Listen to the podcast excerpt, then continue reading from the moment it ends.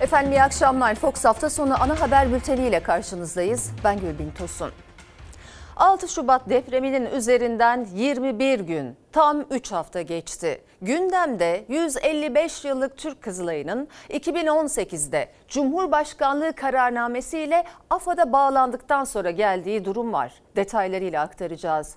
Depremzedelerimizin ihtiyaçları, bölgedeki eksikliklerse birinci önceliğimiz. Fox Haber muhabirleri hala deprem bölgesinde son durumu aktarmak üzere bizleri bekliyorlar.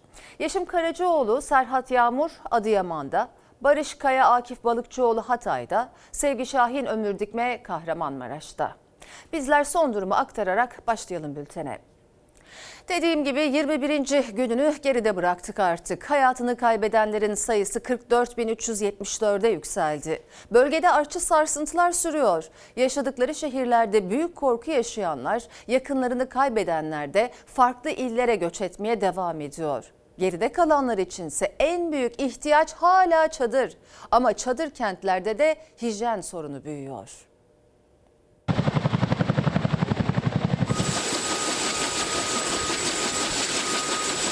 Nasılsınız efendim? Hoş geldiniz. Çadır getirdiniz. Çadır getirdik evet. Çocuklar için getirdik. Kahramanmaraş Pazarcık'ta çocuklar çadır getiren askerin çevresini sardı, sarıldı. 7,7 ve ardından 7,6 büyüklüğündeki depremlerle yıkılan Kahramanmaraş başta olmak üzere Adıyaman ve Hatay'da 21. günde de enkaz kaldırma çalışmaları sürdü. Depremde hayatını kaybedenlerin sayısı 24 saatte 44.218'den 44.374'e yükseldi. Ama Türk Tabipleri Birliği'ne göre açıklanan can kaybı sayısına yansımayan durumlar var. Yıkılan bina sayısı, belediyelerin defin sayıları, köylerde ve kırsalda vatandaşın kendi gömdüğü vatandaş sayıları, kayıplar ve özellikle Hatay'da enkaz altında olanları hesapladığımızda şu anki rakamların en az 2-3 katı kadardır. Tüm rakamlarını gerçek ve şeffaflıkla açıklamaya davet ediyoruz. 13,5 milyon kişinin yaşadığı 10 ili vuran deprem felaketi sonrası AFAD'ın verilerine göre 9136 artçı deprem kaydedildi. 21 gün geride kalırken hala ulaşılamayanlar var. Aileler hastanelerden ve enkaz kaldırma çalışmalarını yürüten arama ekiplerinden haber bekliyor. Bölgeden tahliye edilen kişi sayısı ise 528.146. Geride kalanların da yaşam mücadelesi sürüyor. Depremin üstünden 3 hafta geçti ama en büyük ihtiyaç hala çadır. Şu anda Pazarcık Çadır Kenti'de helikopter indi ve bölgedeki depremzedelere yeni çadırlar getirdi. Şimdi askerler onları bölgeye intikal ettiriyor. Askeri helikopter talep edilen çadırı bugün ulaştırdı. AFAD'sa bireysel çadır talepleriyle birlikte 10 ilde toplam 329.382 çadır kurulumu yapıldığını açıkladı. Ancak alabilenler için de çadır sağlıklı bir barınma imkanı sunamıyor depremzedelere. Pek çok adres gibi Hatay Samandağ'da da hijyen sorunu büyüyor. Banyo yapamıyoruz. Çok affedersiniz lavabolarımız yok. Hastalık zaten kapıda. Ya e, kirlilikten ölecek millet. Yani bir şekilde biz öleceğiz burada. 2000 ile 3000 arası bir hastaya hizmet veriyoruz şu an çadırda. Günlük değil mi bu? Evet günlük. Ve özellikle eczacılarla bizim daha önce yapmış olduğumuz sohbet üzere onu da belirtmek istiyorum.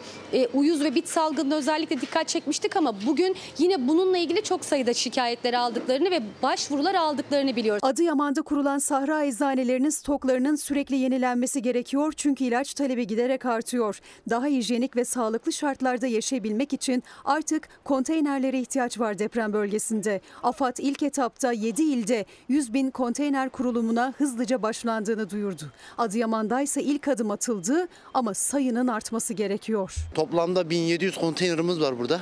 İlk etapta 200 aileyi alıyoruz biz buraya. Allah'ın izniyle. 200 aile mi yerleşti? Allah'ın izniyle inşallah yerleştireceğiz. Acilen konteyner kentlerin tüm depremzedelere verilmesi gerekiyor ve hemen ardındansa kalıcı konutlara yerleşmeleri için çağrı yapıyor Adıyamanlılar. Afetlerde afet bölgesine ilk koşacak, ihtiyaçları ilk sağlayacak kurum Türk Kızılayı. Deprem bölgesine göndermesi gereken çadırları sattı. Hem de deprem mağdurlarının en çok ihtiyaç duyduğu günlerde. Gazeteci Murat Ağrel'in ortaya attığı iddiayı Ahbap Başkanı Haluk Levent doğruladı. Evet satın aldık dedi. Ahbap Derneği'nin Kızılay'a ödediği rakam iddiaya göre 46 milyon lira. Üstelik Ahbap Kızılay'ın çadır sattığı tek kurum değil.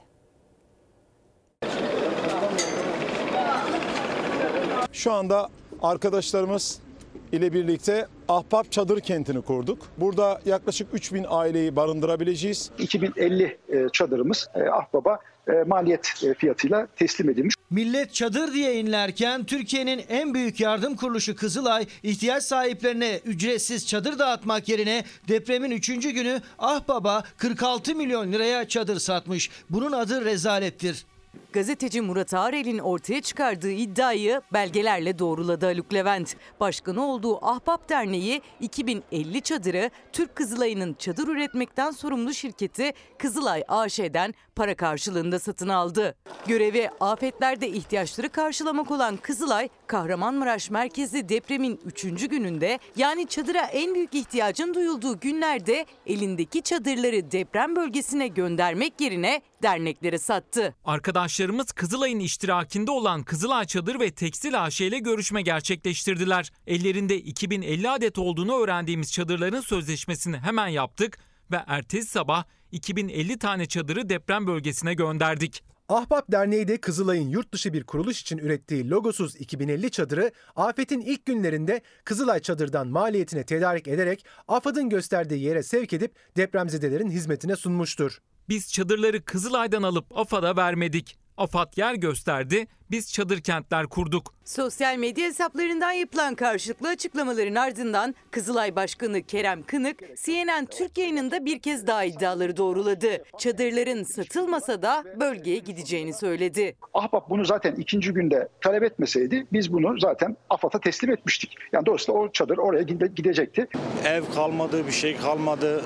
Özellikle konteyner anlamında, çadır anlamında çok büyük sıkıntılarımız var. Halen şu anda yani dışarıda tenekede ateş yakıp oturuyoruz. Deprem bölgesinde afetin 21. gününde bile hala çadır ihtiyacı sürerken kuruluş görevi afetten etkilenen insanlara barınma alanı sağlamak olan Kızılay, Ahbap'a çadır sattığı iddiasıyla gündeme geldi. Kızılay Başkanı Kerem Kınık satıştan elde edilen gelirle yeni çadırlar için malzeme tedariği sağlandı diyerek kurum savundu. Kızılay Çadır ve Tekstil AŞ'de Ahbap Derneği'nden aldığı kaynağı çadır ham madde tedariği için ayırmış ve üretilecek çadırları da Kızılay aracılığı ile ücretsiz olarak depremzedelerin istifadesi için planlamıştır. Satın almalar ayrı bir profesyonellik gerektirebilir.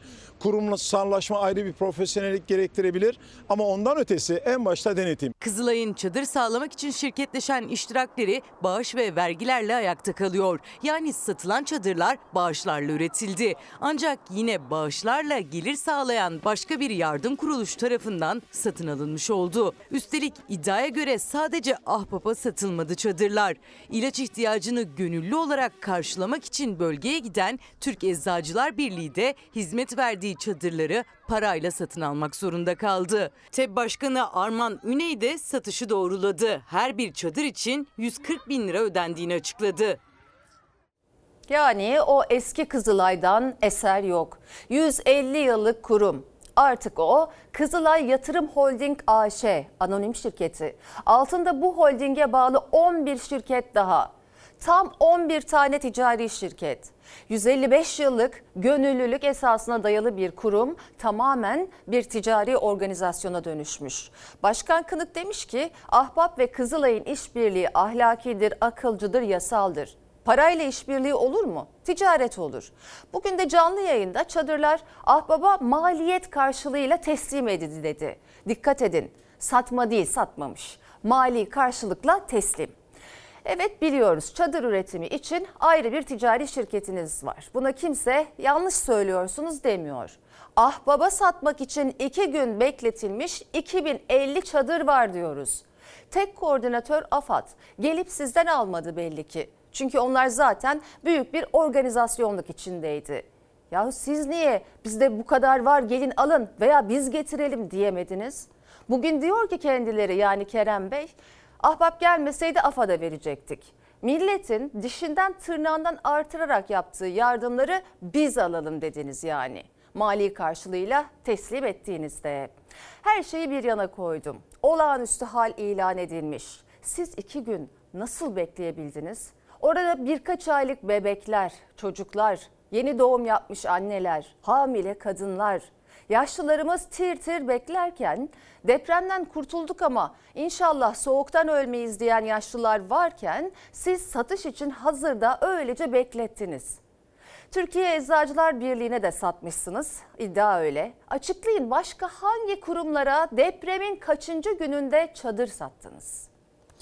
Sayın seyirciler Kızılay'ın depremzedeler için yardım toplayan sivil toplum kuruluşu Ahbaba iddiaya göre 46 milyon liraya çadır satması muhalefeti ayağa kaldırdı.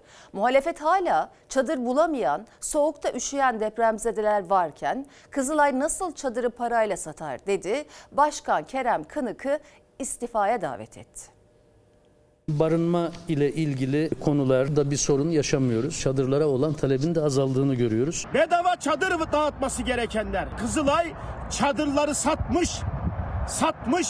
Yazıklar olsun. Erdoğan Kızılay ile ilgili depremzedelere hakaret ediyordun. Sahi sen ne diyordun? Kızılay nerede diyor.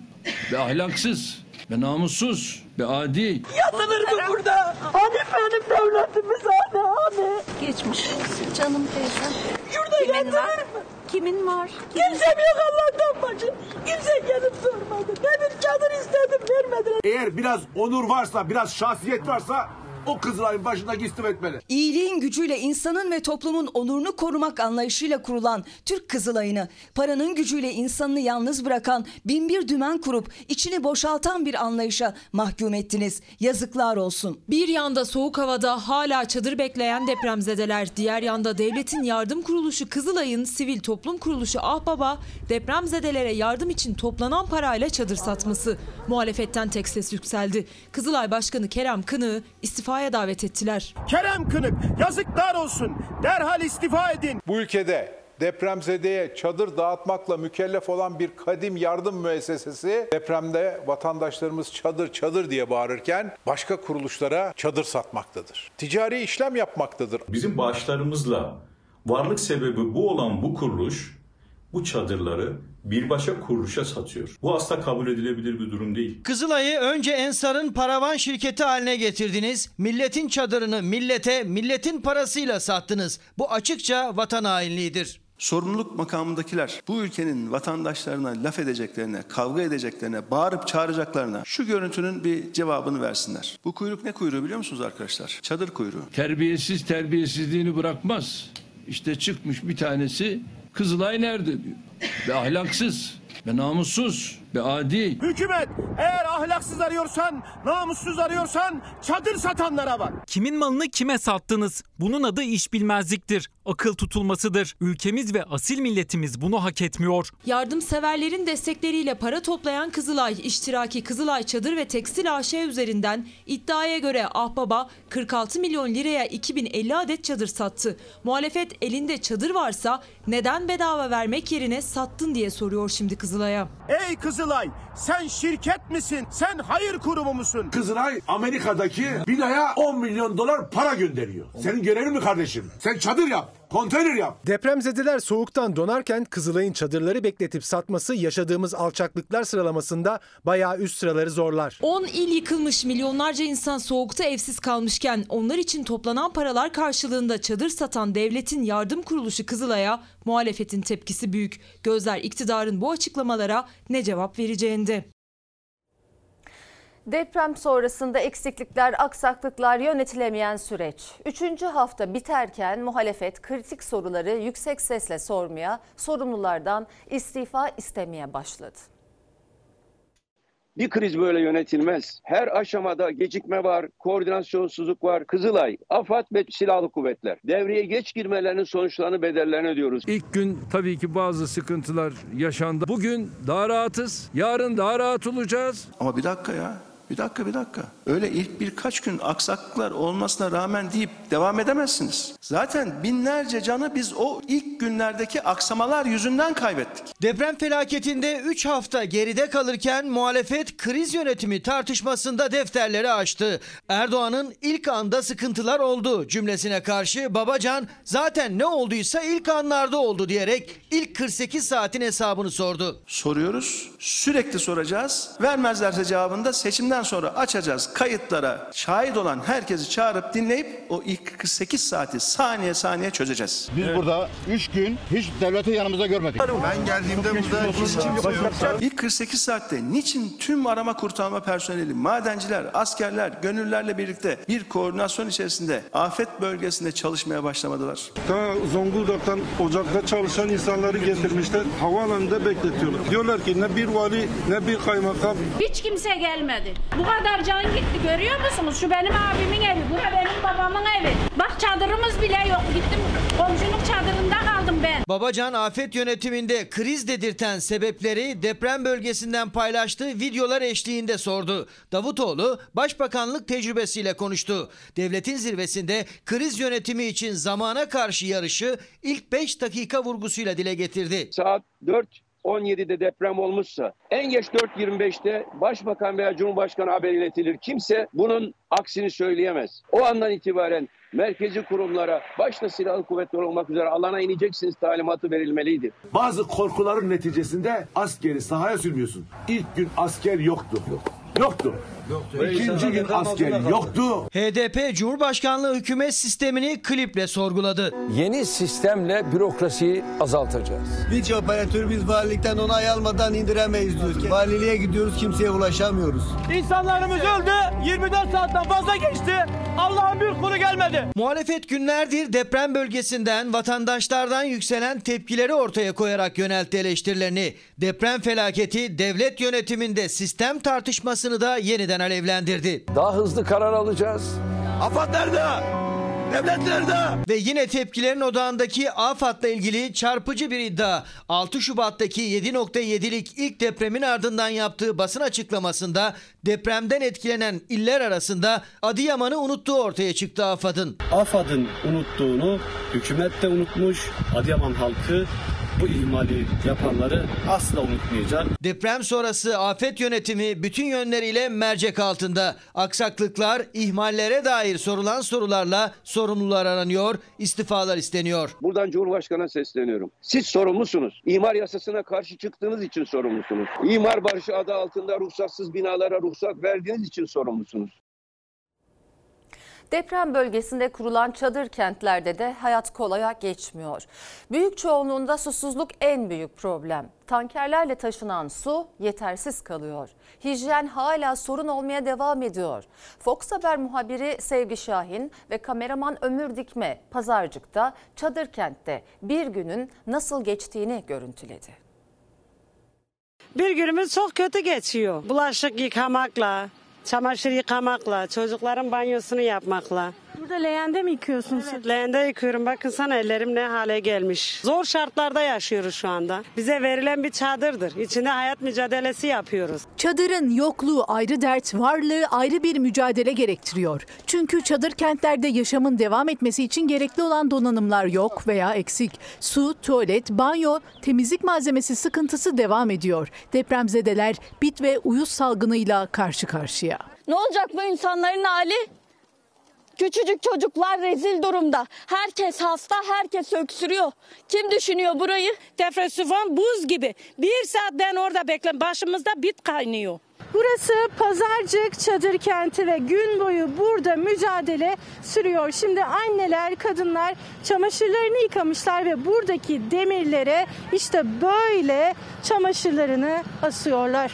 Ne yapak işte kızımın iki katlı evi çöktü biz de geldik. Gene dün geldik bir çadır aldık. Oraya, o da yalvara yakara kimse vermedi. Kayınbabası biraz bağırdı çağırdı işi rast gelsin. Getirdi kurdu iki gündür işte içinde kalıyor. 7,7'lik depremin merkez üssü Kahramanmaraş Pazarcık'ta zar zor aldığı çadırda yıkılmasın diye elinde çekiç 70 yaşındaki kadını gece soğuktan uyku tutmuyor. Uyku göremiyorum soğuktan. Ne bu? Bize bir yardım ediyorsa bir şey kontur mu? Konuk mu? Ne Konteyner. Konteyner ha. Bize bir yardımcı çıkın yavrum. Adını zor söylüyor ama en büyük ihtiyacı konteyner. Pazarcık'taki çadır kentin bir diğer büyük sorunu hijyen. Çadır kente seyyar tuvaletler getirilmiş ama bu tuvaletlerin altında kanalizasyon boruları yok yani döşenmemiş. İşte bu yüzden depremzedeler daha ilerideki camilere ve diğer mobil tuvaletlere gidiyorlar. Sular yok. Ondan sonra rezillik. tuvaletler yok. Duş geldi. Ben dün banyoya girdim, duşa girdim. Şamponu döktüm, buz gibi su titre titre. Bir saat ben orada bekliyordum. Depremzedeler taşıma suyuyla çamaşırlarını, bulaşıklarını yıkamaya çalışıyorlar. İşte bidonlar üst üste. Sağ tarafta ise bir bulaşık leğeni var. İçinde süngeri, deterjanı. Biraz sonra burada kadınlar bulaşık yıkayacak. Tankerlerle kısıtlı gelen su yetmiyor çadır kentteki yüzlerce kişiye. Çözülemeyen hijyen sorunu hastalıkları beraberinde getiriyor. Burada uyuz salgını başlamış şu durumda. Çocuk, çocukların başında bit var. Hepsini millet çocuklar kaşınıyor. Her tarafı yara bere içinde. Bir evimiz başımızı koyabileceğimiz bir yer vardı. Artık o da yok. 5 yaşında çocuğum var. Gerçekten hani çok zor şartlar altındayız. Oradan televizyondan izlendiği gibi değil. Gelin buraya bakın. Öyle gelip işte korumalarınızla şurada oturup konuşmayın. Bu insanların mağduriyetini anlayın. Efendim şimdi Kahramanmaraş'a gidiyoruz. Sevgi Şahin ve Ömür Dikme bizi bekliyorlar. Sevgi Şahin karşımda hemen soralım. Gün boyu neler yaşandığını haberinden izledik. Ee, yine bir çadır kenttesin Sevgi. Neler anlatacaksın dinleyelim. Gülbin Tosun depremzedenin dediği gibi buraları öyle e, uzaktan televizyondan izleyip anlatmak yetmiyor. Gelip burada yaşamak, burada bir iki dakika kalmak gerekiyor. Kahramanmaraş Pazarcık'tayız, Çadır Kent'teyiz. Şu anda akşam oldu 21. akşamı depremzedelerle birlikte karşılıyoruz. Şu anda akşam olduğu için soğuk başladı ve sobalar yakıldı. Ömür Dikme size göstersin. Dumanı görüyorsunuz. Bu sis bulutunun içinde odun yakılmasına izin veriliyor ama üşüdükleri için depremzedeler kömür sobası yakmak durumundalar. Bu isin, kokunun içerisinde nefes almak im- imkansızken onlar bu çadırlarda yaşıyorlar ve burası aslında hastalar, kronik hastalar, yaşlılar, engelliler, bebekler için çok zor bir ortam. Sağlıkları için hiç de elverişli değil. Sağlıklı insanlar bile nefes alamıyorken onlar nasıl alsınlar? Şimdi size yatağa bağımlı olan Elif anneyi ekranlarınıza getireceğiz. Elif Ateş şöyle çadırına girelim içeriye. Elif Ateş şu anda yanımızda 75 yaşında iki gözü görmüyor yatağa bağımlı halde. Hijyen malzemelerine sürekli ihtiyacı var. Hasta bezine ıslak mendile ve ailesiyle burada çadırda yaşıyor. Şöyle yanına geçeyim Elif Ateş'in. Burası bu ortam onun sağlığı için hiç uygun değil. Öyle ki Burada yatamıyor bile ve soba yakılıyor. Soba hemen yan tarafında üşüyor. Sürekli banyo ihtiyacı var ama ailesi zorlanıyor onu burada. İki gün önce şöyle gösterelim, konuşalım. Ne zaman banyo ihtiyacını karşıladınız Elif Hanım? gün önce yaptım. Anam zor durumdadır. Yardımcı olsunlar. Anam ölmek istemiyor. Huzur evine götüreceğiz. Gitmek istemiyor. Bizim sesini duymadan duramıyor. O huzur evine götürseler de çok çok iki gün yaşar. Başka yaşamaz.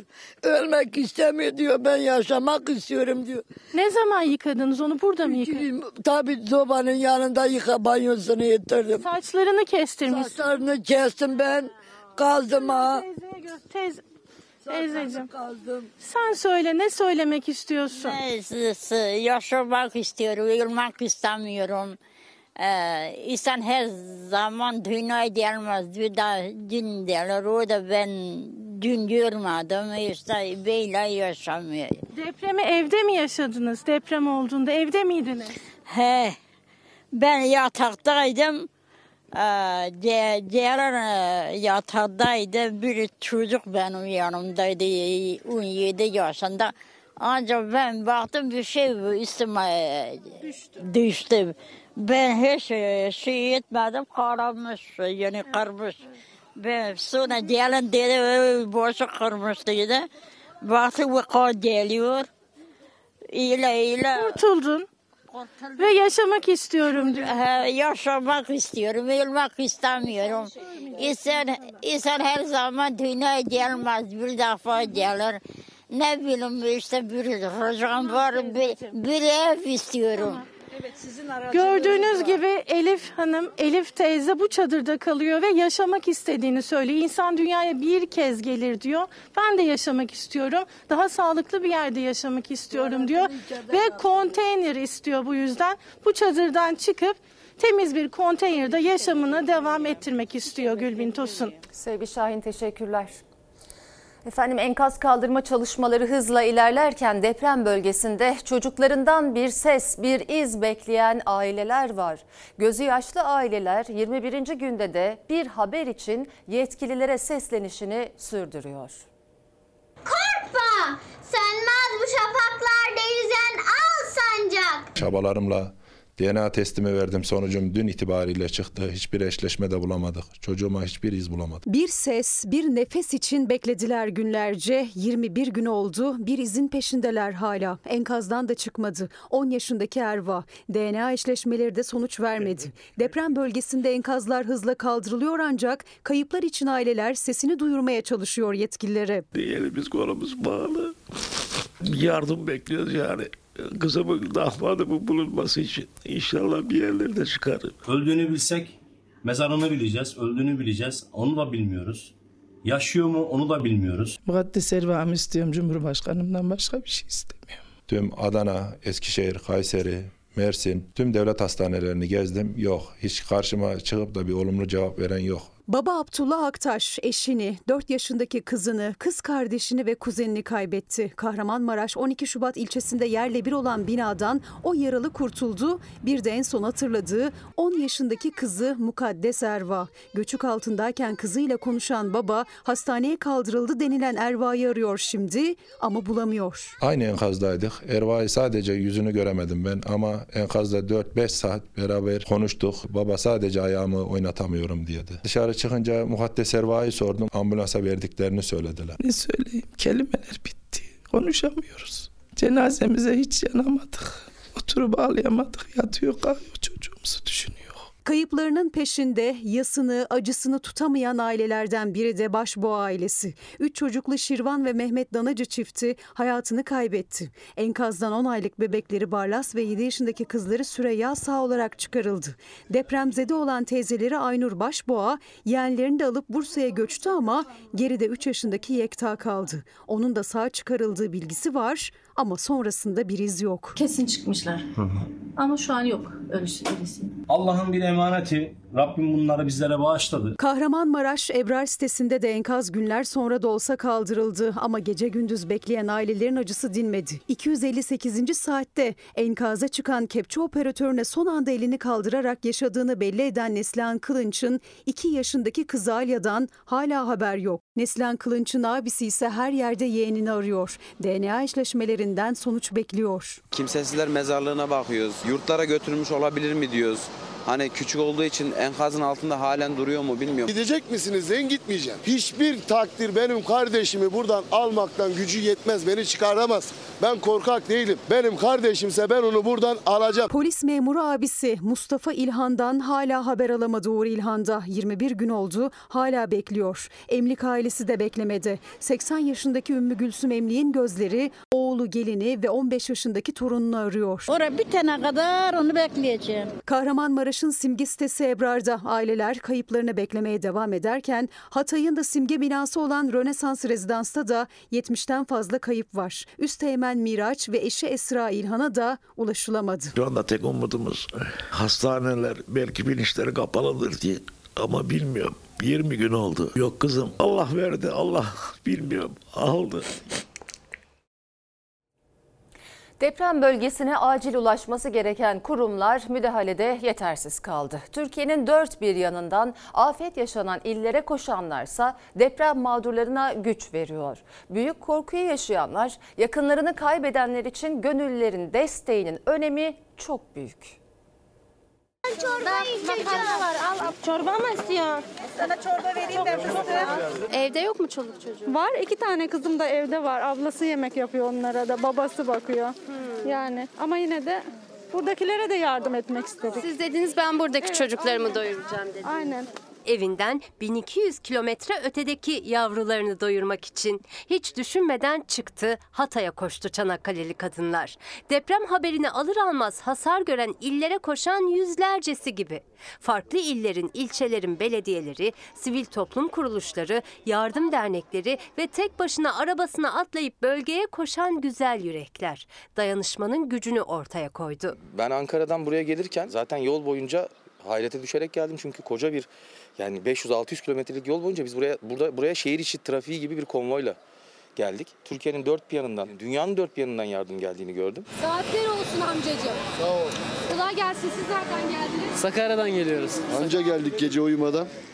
Sabah gelir gelmez de tıraşa mı başladınız? Başladık elhamdülillah arkadaşlarımızı tıraş ediyoruz. Sakaryalı berberler saç tıraşı için koştu. Çanakkale'li kadınlar karın doyurmaya gitti. Türkiye'nin dört bir yanından her ihtiyacı düşünüp getiren oldu deprem bölgesine. Şehir plancımızı getirdik çadırlarımızı planlasın diye. Şehir plancısı kardeşimiz de burada. Gündüz aşevine yardım ediyor ve eline dosyayı alıyor. Şey- çadırlarda kimler kalıyor, teyze kimlik numarası, onların sağlık durumunu sorguluyor. Onları şey yapıyor, ilgileniyor onlarla. Aracının bagajında koli koli yiyecek, iki büyük pakette kedi köpek maması sürekli stoklu. Sokak sokak geziyor Gökhan Mezarcı. Depremin dördüncü gününde ulaştığı Hatay'da hala deprem mağdurlarının yardımına koşuyor. E, bu süreçte burada e, ne yazık ki koca bir şehirde e, insanların e, değiştirebilecek bir çift çorap ya da giyebilecek bir iş çamaşırına dahi henüz ulaşamadığını gördüm.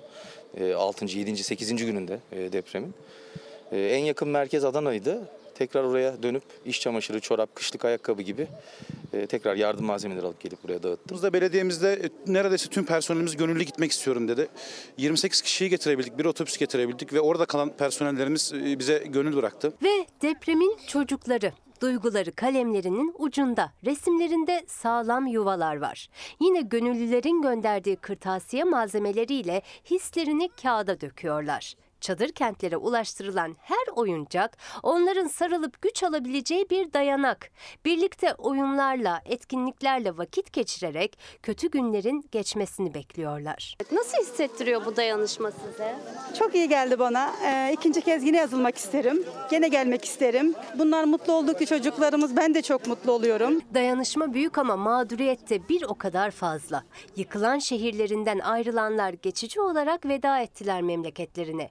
Geride kalanlar içinse onları dinleyecek, anlayacak, güç verecek, destek olacak gönüllülerin önemi büyük. Zor günleri beraber atlatacağız. Nasıl hissediyorsunuz?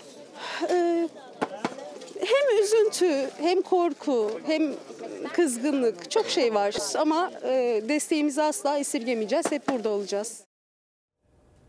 Efendim şimdi de Adıyaman'a gideceğiz. Yeşim Karacaoğlu, Serhat Yağmur orada bizleri bekliyor.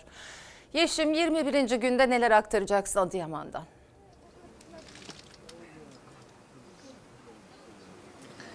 Adıyaman'da da 21. gününde acılar çok taze. Bütün depremzedeler hem kaybolan yakınlarının acısına yanıyor hem de yaşamlarını devam ettirmeye çalışıyor. Birçoğu için çadırda veya dışarıda yaşam devam ederken ve bunlar zorlu bir süreç halinde devam ederken ve birçok depremzede de yurdun dört bir yanında yardımseverlerin kapılarını açtığı evlerine yuvalarına misafir olmuştu. Ama günler geçtikçe elbette, elbette memleketlerine duydukları hasret, eş, dost, akrabalarıyla dayanışma içinde olmak için yurda dönüşte başladı. Şu anda ben de Dalgıç ailesinin yanındayım. Al, 4 çocuklu bir aile ve 6 kişilik bir aile burası. Bir çadırda yaşıyorlar. Bakıldığı zaman birçok Adıyaman'da yaşayan depremzedelere göre bir tık daha şanslılar. Çünkü onlar şu an görüyorsunuz işte yatakları olan, e, elektriği olan bir çadırda yaşamlarını sürdürüyorlar. Ancak elbette bu da onlar için şu an için bir çözüm değil. Çünkü ailenin aslında çok önemli bir noktaya dikkat çekmek istediği hususlar var. Şu anda yanımda evin babası, e, Dalgıç ailesinin babası var Hasan Bey. Şu anda siz e, ne, ne söylemek istiyorsunuz? Çünkü çok önemli bir mesajınız var. Bunu istiyoruz ki tüm Türkiye duysun. Öncelikle hoş geldiniz. Ee, biz şu an çok zor bir süreçte geçiyoruz. Bir nevi onları atlatmaya çalışıyoruz. Ama şu an e, bazı eksiklerimizin en çok e, sağlıktan sonra eğitim. Benim dört tane çocuğum şu an e, okuyordu. Şu an eğitimden bayağı uzağız. Yani şu an kitaplar falan geldi. Şu an çocuklarım gerçekten başarılı ve ben onlar için e, çok üzülüyorum eğitimden geri kalacaklarını. Yani şu an e, eğer e, çocuklarım için ve diğer çocuklar için benim çocuklarım gibi bir sürü başarılı öğrencilerimiz var. Yani onlar için buralarda bir yerde bir eğitim, onların geleceği için şu an e, daha önceleri pandemi vardı. Oradan uzaklaştırdılar. Ondan sonra belli bir şeyden sonra eğitim gene ara verildi. Şu an deprem çıktı. Keşke olmasaydı ama zor bir süreç. Onu atlatmaya çalışıyoruz. Acılarımız var. Yani e, şu an Ayakta kalmak için, hayatı devam ettirebilmek için eğitim de önemli bir yapı. yani eğitim yani e, gerçekten şu an bizim için bir nevi e, e, sağlıktan sonra eğitim şart. Şu an benim dört tane öğrencim şu an eğitim görmüyor. Onlar için ben çok üzülüyorum.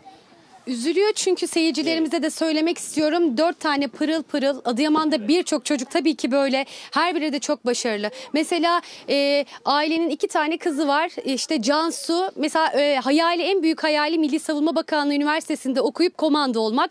Senden de aslında çok kısa duygularını almak istiyorum. acı verici bir şey tabii ki de herkes için. Kötü bir durum. Kimsenin yaşamasını istemem.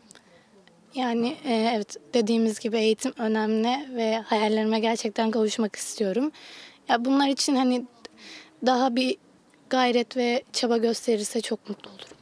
Şehrin ayağa kalkması, hayatın devam etmesi için en önemli e, aslında vurguyu yapıyor aile. Mesela Gazi e, çok iyi bir e, sporcu olmak istiyor. Çok iyi bir taraftar aynı zamanda. Ailenin diğer kızı da aslında Milli Savunma Bakanlığı'nın üniversitesinde okumak istiyor. Şu anda da deprem öncesine kadar da çok iyi bir sporcuydu ve e, voleybol oynuyordu. E, ama dediğim gibi Adıyaman'da e, bu çağrıları yapan, bu istekleri dile getiren aile sayısı o kadar çok ki barınma gibi, e, sağlık gibi eğitimin de bir an evvel ayağa kalkmasını, canlanmasını istiyorlar ve bunun için de bir e, adım atılmasını bekliyorlar. Peki Yeşim teşekkürler. Efendim deprem, ihmaller, yetersiz kalan çalışmalar 44 binden fazla canımızı aldı aramızdan. Geride kalanlar artık ailelerinin hatıralarına tutunmaya çalışıyor. Yerle bir olan binalarda karneler, madalyalar, fotoğraflar var. Yakınlarını kaybedenler anılara tutunmak için enkazlarda hatıralarını arıyorlar. Abim, yengem, yeğenim. Ya onların eşyalarını bir yeğenim şu anda ellerinizden öper hastanede. İşte o babamdan, annemden anı bir şey bana mutlaka getirin dedi. Onun için bekliyoruz. İşte bunlar da çıkıyor kaldırıp bir yere koyacağız yani. Kardeşinin forması var mesela çıktı. Kardeşinin formasını vereceğim kendisine.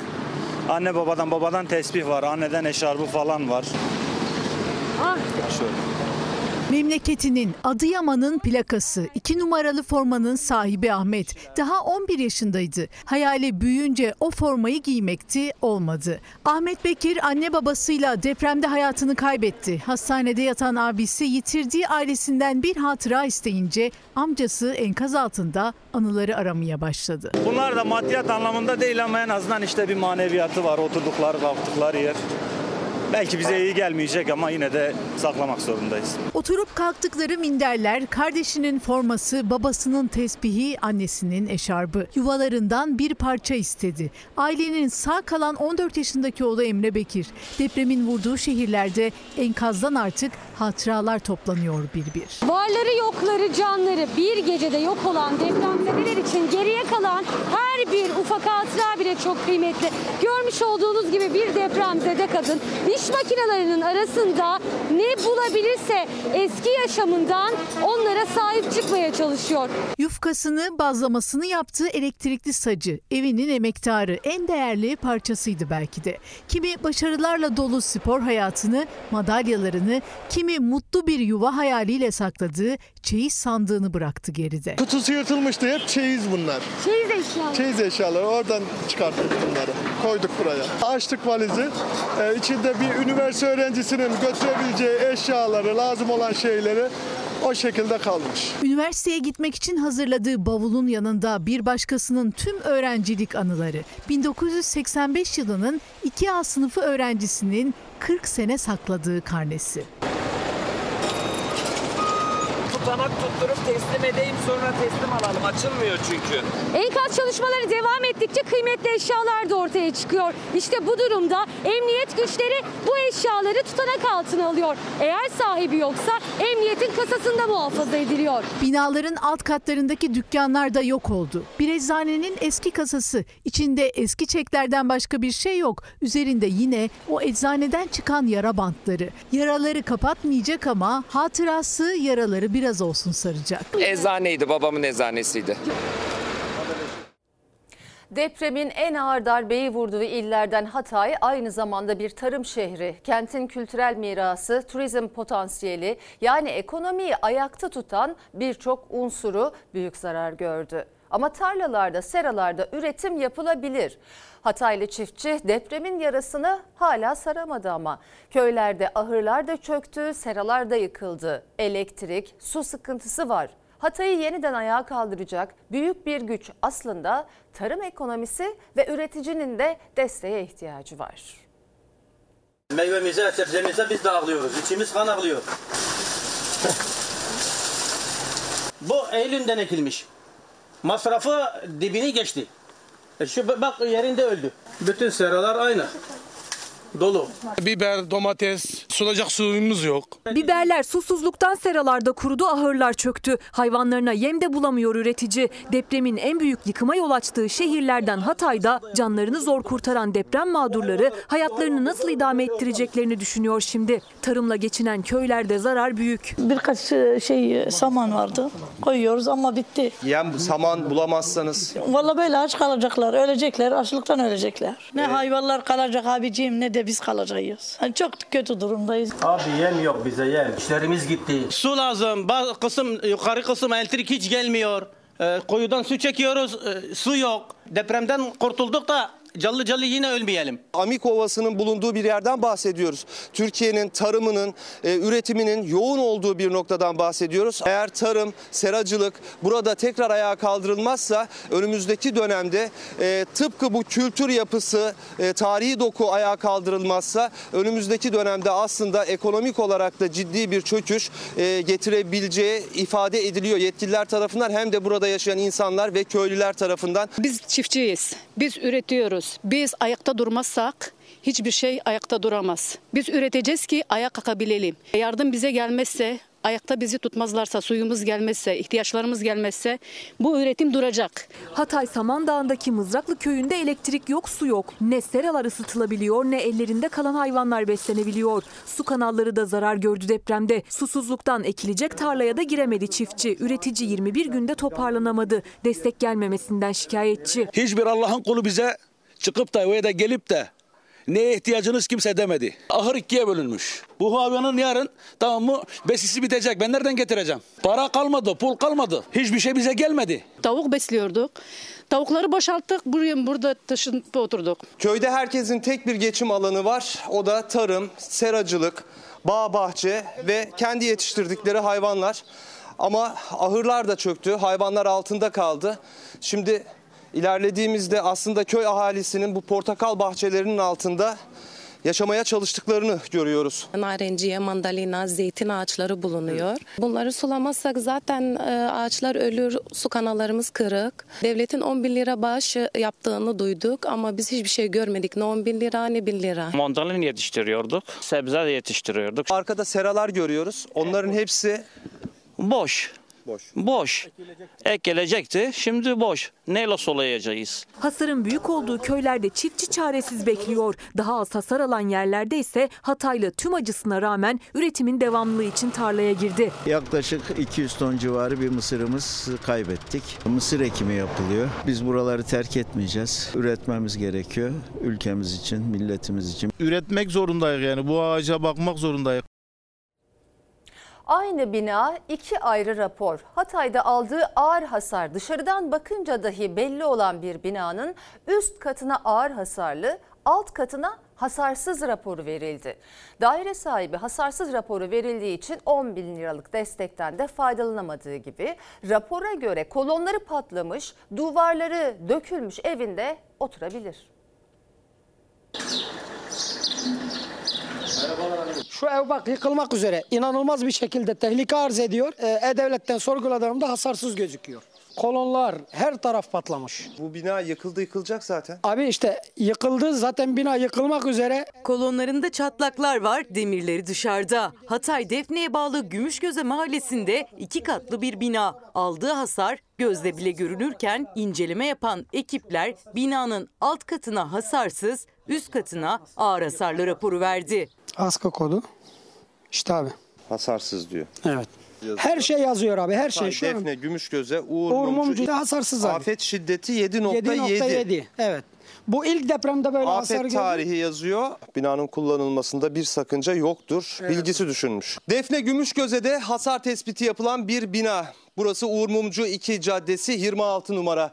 Binanın ikinci katına ağır hasar tespiti yapılmış ama alt katına hasarsız denilmiş. Hasarsız olduğu için de hiçbir e, yardım alınamıyor. Çünkü e, hasar tespiti yapanlar buradaki kolonların kırıldığını, parçalandığını e, raporlarına işlememişler. Tamamen oturabilir belgesi vermişler. Abi ikinci katta benim abim oturuyor. Abim iki tane çocuğu bir de e, eşiyle birlikte oturuyordu. Bu ilk depremde zaten hasar ilk depremde oldu. İkinci katta ağır hasarlı e, şeyi verdiler. Sonra ona tabii ki 10 bin lira verdiler. Alttaki kat benim alttaki daire benim olduğu için e, ben hiçbir şeyden faydalanamadım. Çünkü hasarsız olarak diye geçiyor. Ne yardım alabiliyorlar ne destek görüyorlar. Evleri hasarlı olarak kayıt edilmediği için. Kayan, yıkılmak üzere olan eve de giremiyorlar. Çaresizce hatanın düzeltilmesini bekliyor Engin Balcı. Hatay'ı sarsan 6,4'lük depremden sonra da binanın hasar tespitinin yenilenmesini talep etti ama hala dönüş yapılmadı. Üstelik mahallede birçok binada aynı durumda. Başta ağır hasarlı olarak göründü. Biz E-Devlet'e girdik. Ondan sonra tekrar ikincisi girişte gelen arkadaşların aldığı şeyleri, raporları geçersiz olarak saydıklarını söylediler. Ama ne sebeple bilmiyoruz. Uğur Mumcu 2 Caddesi üzerinde pek çok hasarlı bina var ama hasarsız belgesi verilenler de var. Şimdi bu binanın da hemen kolonlarına baktığımızda duvarlarının göçmek üzere olduğunu görüyoruz. Sadece o duvar buradan geçen araçlar ve insanların üzerine düşmesin diye bir halatla tutturulmuş. Hemen karşı taraftaki bina ise ağır hasar verilmiş ama onun içinde herhangi bir önlem alınmamış. O binada yıkıldı yıkılacak. Biz kendi imkanlarımızla burayı tutuyoruz. Yani burası şu an cam pazarı. Arabalar geçiyor buradan. Şu binalara bakın, şu hale bakın, şuradaki duruma bakın. Kimse gelmiyor buraya. Bu ikinci depremden sonra oldu. İkinci depremden sonra buraya gelen olmadı. Defne merkezli deprem olduğu için gelip bir bakmaları lazım. Gelen giden yok. Peş peşe yaşadıkları her artçı sarsıntıda yürekleri ağızlarına geliyor depremzedelerin. Yıkılmak üzere olan binaları tutturdukları halatlar ne kadar daha dayanır bilinmez ama önlem alınmadığı takdirde hasarlı yerlerden geçen herkes tehlike altında yaşamaya devam edecek. Efendim şimdi de Hatay'daki son durumu öğreneceğiz. Barış Kaya, Akif Balıkçıoğlu bizleri bekliyor. Barış seni dinleyelim lütfen. Şimdi depremzedelerin e, çok fazla sorunu var. Aslında o sorunlara çözüm bulunması beklenirken yeni sorunlar ortaya çıkıyor. E, zaten herkes insanlar canlarını kaybettiler. Bir yandan e, mallarını kaybettiler. Öbür yandan pek çok şey enkaz altında. E, tüm bunlara bir şekilde çözüm bulunması beklenirken yeni sorunlar ortaya çıkıyor. İşte bu hasarlı binalarla ilgili yapılan tespit 7.7 ile verilmiş bir karar var.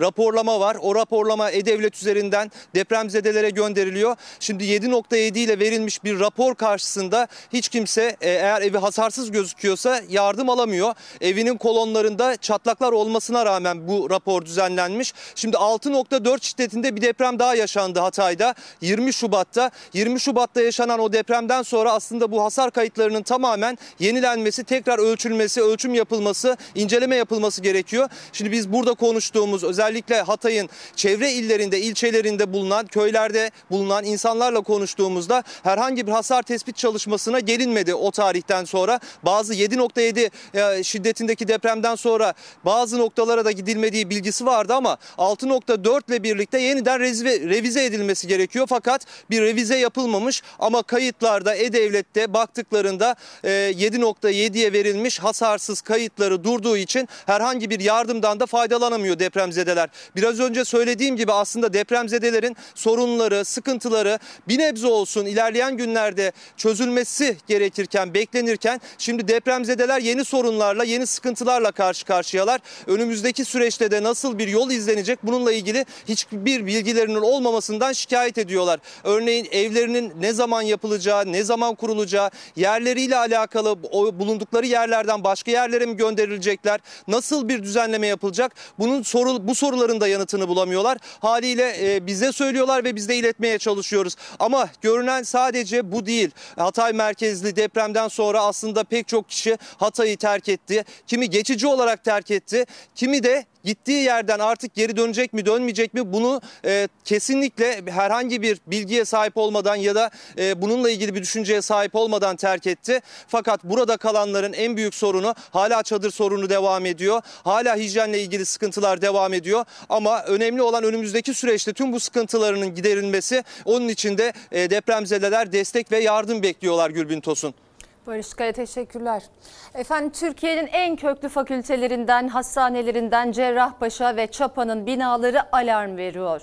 Doktorlar, sağlık çalışanları yerinde dönüşüm için seslerini duyurmaya çalışıyor. İstanbul'un kalbinde hastaların rahatça ulaşabildiği hastanelerin ranta kurban edilmesini de istemiyorlar. Çalışırken ölmek istemiyoruz.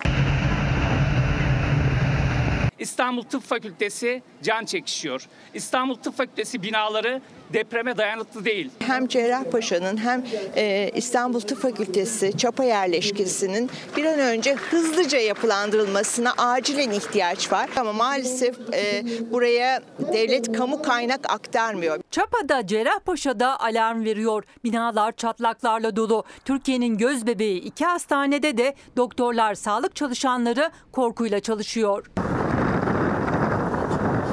Görüyorsunuz demirleri e, dışarıda ve paslanmış durumda. E, betonları çürümüş. İçerisinde deniz kabukları mevcut. Burada beton o kadar zayıf ki elimizi sürdüğümüz yer dökülüyor.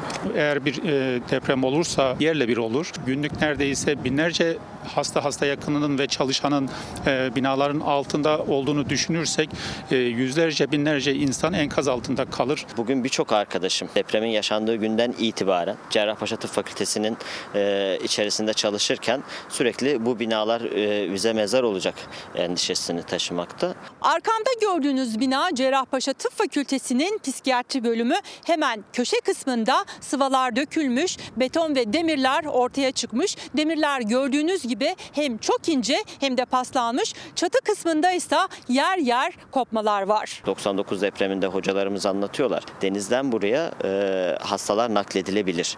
Buradan e, karayolundan eğer hasar görmezse Atatürk Havalimanı'ndan e, uçaklar inip kalkabilir. Bu kadar kritik bir noktada Cerrahpaşa Tıp Fakültesi iki binası Marmara inşaatı sonrasında çökme tehlikesi nedeniyle boşaltıldı. Yer yer prefabrik yapılar inşa edildi. 2019'daki Silivri depreminden sonra da diğer binalar hasar aldı. Burası da İstanbul'da 2019 yılında meydana gelen depremin ardından hasar gördüğü için yıkılan 5 katlı kadın hastalıkları ve doğum hastanesi binasının enkazı gördüğünüz gibi binadan kalıntılar var. Hemen köşede demirleri görüyoruz ve o demirler 5 katlı bir binayı taşıyamayacak kadar ince. Ortopedi binası, nöroloji binası, e, çocuk hastalıkları binası, e, kadın hastalıkları binası e, yıkıldı. 2019'dan beri burası 4 senedir otopark olarak kullanılıyor. Yıkılanların yerine yenileri yapılmadığı için bölümler mevcut binaların içine sıkıştırıldı. Ancak o binalar da zor ayakta duruyor. Hem Cerrahpaşa hem de Çapa bulundukları yer ranta kurban gitmeden yerinde dönüşüm istiyor. Türkiye'de yapılamayan ameliyatlar sadece belli başlı merkezde yapılabilen ameliyatlar yapılıyor. Eğer bu bilgi birikimi binalarıyla beraber çökerse artık bunun bir anlamı kalmaz. Kamu hastanelerine öncelik tanınarak buraların bir an önce yerinde yeniden yapılandırılmasını istiyoruz. Uzmanlar uyarıyor. 10 ilin yıkıldığı deprem bölgesinde hala artçı depremler devam ederken inşaata başlanılması riskli diyor. Yapılacak yeni konutlar için süreç başladı.